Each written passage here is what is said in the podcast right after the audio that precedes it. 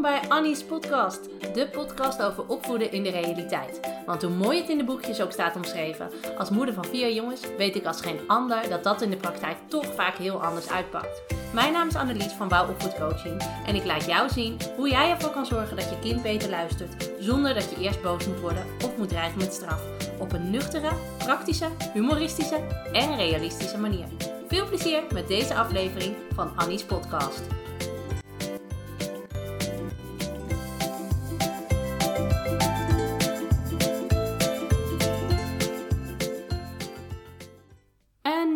Aflevering van Annie's podcast. Tof dat je er weer bij bent en leuk dat je luistert.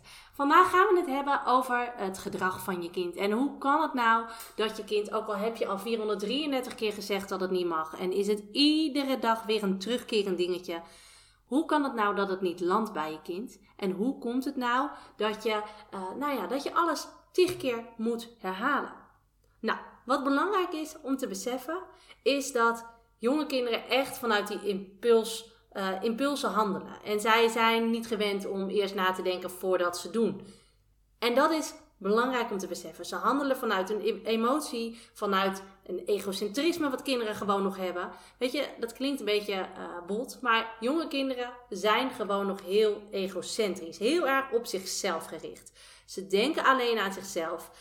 En dat betekent niet dat jij fouten hebt gemaakt, dat jij opvoedkundige steken hebt laten vallen en dat jij uh, geen goede ouder bent. Nee, dat egoïstische, dat is heel normaal en past helemaal in de ontwikkeling van jonge kinderen. En wees gerust, dat draait vanzelf bij als ze ouder worden. Maar wat belangrijk is, als jij nee zegt, en het klinkt heel simpel, maar jonge kinderen kunnen zelf nog niet het alternatief bedenken. Ze horen dan wel jouw nee en ze weten dan dat het niet mag, maar ze kunnen zelf nog niet daarvoor in de plaats bedenken wat ze dan wel kunnen doen. En daarom is het zo belangrijk dat jij ze dat leert. Want je moet het zo zien, dat zijn ook vaardigheden die je kind stap voor stap moet leren. En alleen nee zeggen of alleen zeggen dat mag niet, is voor kinderen te abstract. Zelfs al is het, heeft het te maken met het aankleden uh, en de spullen pakken voordat je naar school gaat. Het komt iedere dag terug en jij denkt, dit zou je toch nu moeten weten. Dit doen we iedere dag.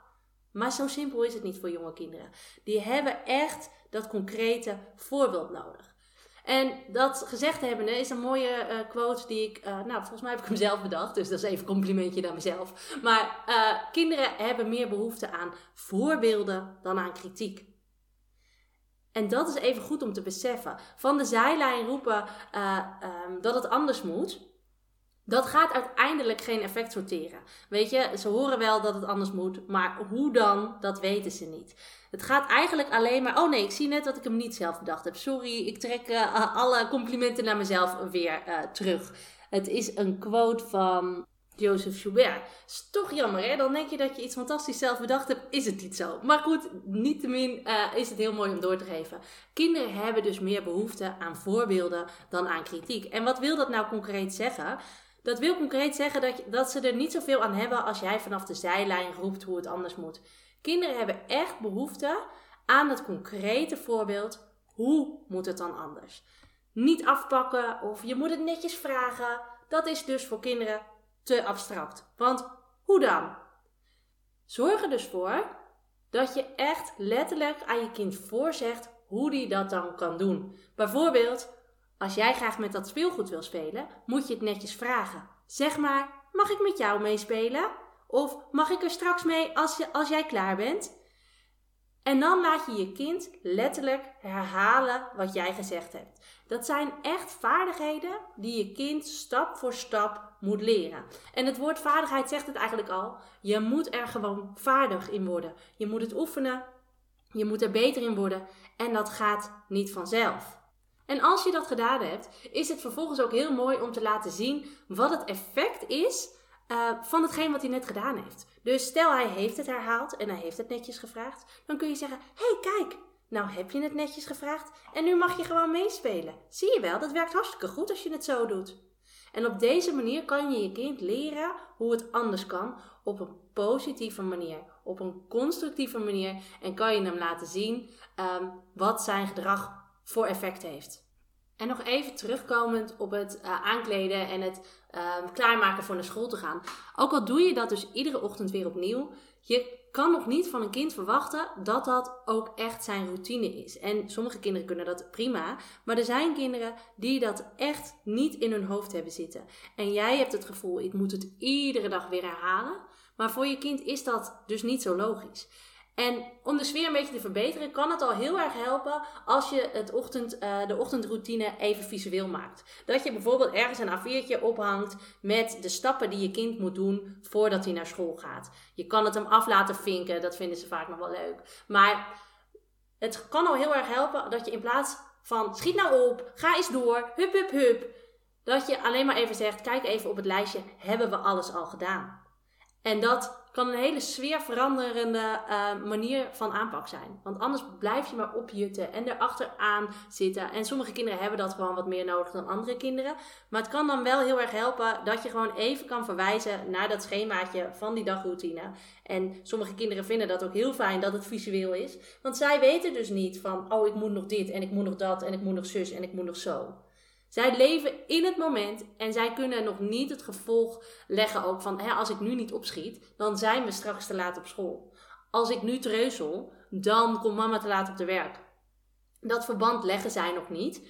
En daarom kan het heel erg helpen uh, om dat dus visueel te maken, zodat je je kind daarnaar kan verwijzen. In plaats van dat jij de hele tijd zegt: Heb je je tanden al gepoetst? Heb je al gegeten? Heb je al dit? Daar word je namelijk niet echt vrolijker van. Helemaal niet in de ochtend, waarin er al een heleboel moet gebeuren. Goed, even een resume wat we in deze eh, podcast hebben besproken. Het is echt belangrijk dat je uh, niet vergeet dat je kind het alternatief niet kent van zijn gedrag. Dus alleen een nee, of alleen een doe gewoon, of alleen een um, vraag het eens netjes, is te ingewikkeld voor kinderen. Zorg voor concrete voorbeelden. Zorg voor, uh, blijf beseffen dat het iets is wat kinderen stap voor stap moeten leren. En hoe concreter jij het maakt, hoe makkelijker dat wordt. Dankjewel voor het luisteren en ik zie je weer bij een volgende aflevering van Annie's podcast.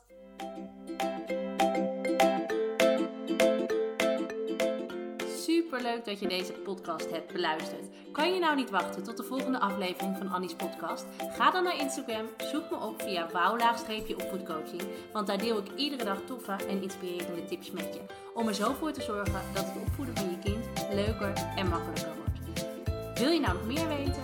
Kijk dan ook even op www.wouwopvoedcoaching.nl slash gratis. Dan kun je je aanmelden voor mijn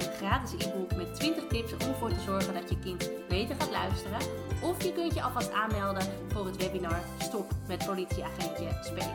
Allebei gratis, dus je hebt eigenlijk geen enkele reden uh, om het niet te doen. Ik zie je volgende keer bij een nieuwe aflevering.